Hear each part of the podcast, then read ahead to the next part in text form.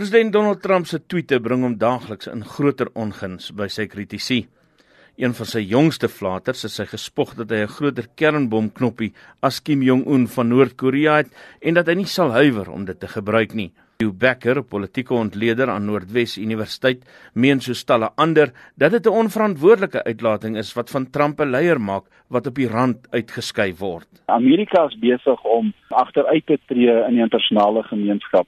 Daar is geen toekoms in die bou van mure nie, daar's geen toekoms in isolasie nie. Maar nie almal voel so nie.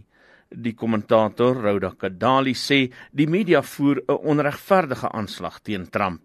Trump was always misquoted in the media.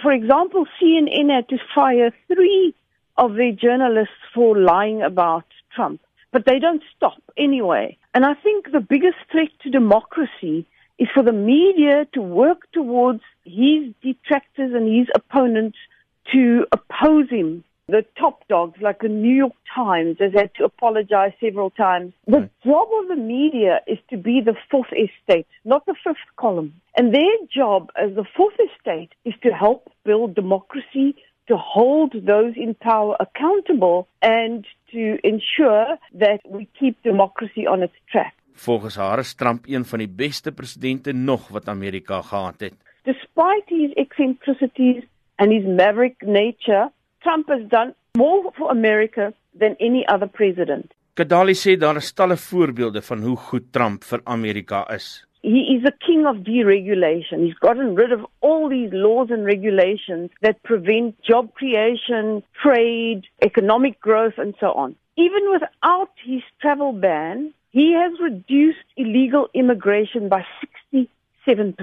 And then he has appointed judges to the courts more than any other president in a very short time. The Dow is 25,000 points sky high within his first few months of office. He has brought down unemployment to 4 point something percent. Last week I read that thousands of African Americans are no longer on food stamps. Oor kritiek dat Trump se optrede nie die van 'n president waardig is nie, wil Kadali weet of iemand dan kan sê hoe 'n president behoort op te tree. The one word I hate is presidential because no one can define it.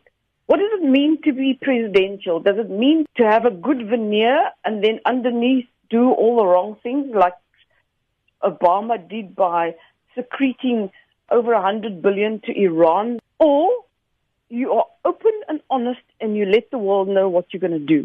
You see, I think the word presidential covers a multitude of sins. Kadali sê beskuldigings dat Trump 'n rasis en 'n chauvinis is, is ook onwaar. Trump has got women in his cabinet. A woman ran his campaign.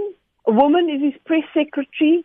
He's got the most amazingly powerful daughters. His ex-wife runs his business, his hotel business. Trump sees himself I was never called a racist until I ran for office. Prior to that, everybody came cap in hand asking him for money, and he gave money. And so he himself is shocked by the label of racism. Dit is Rhoda Kadali. Ek is Isak Du Plessis vir SAK nuus.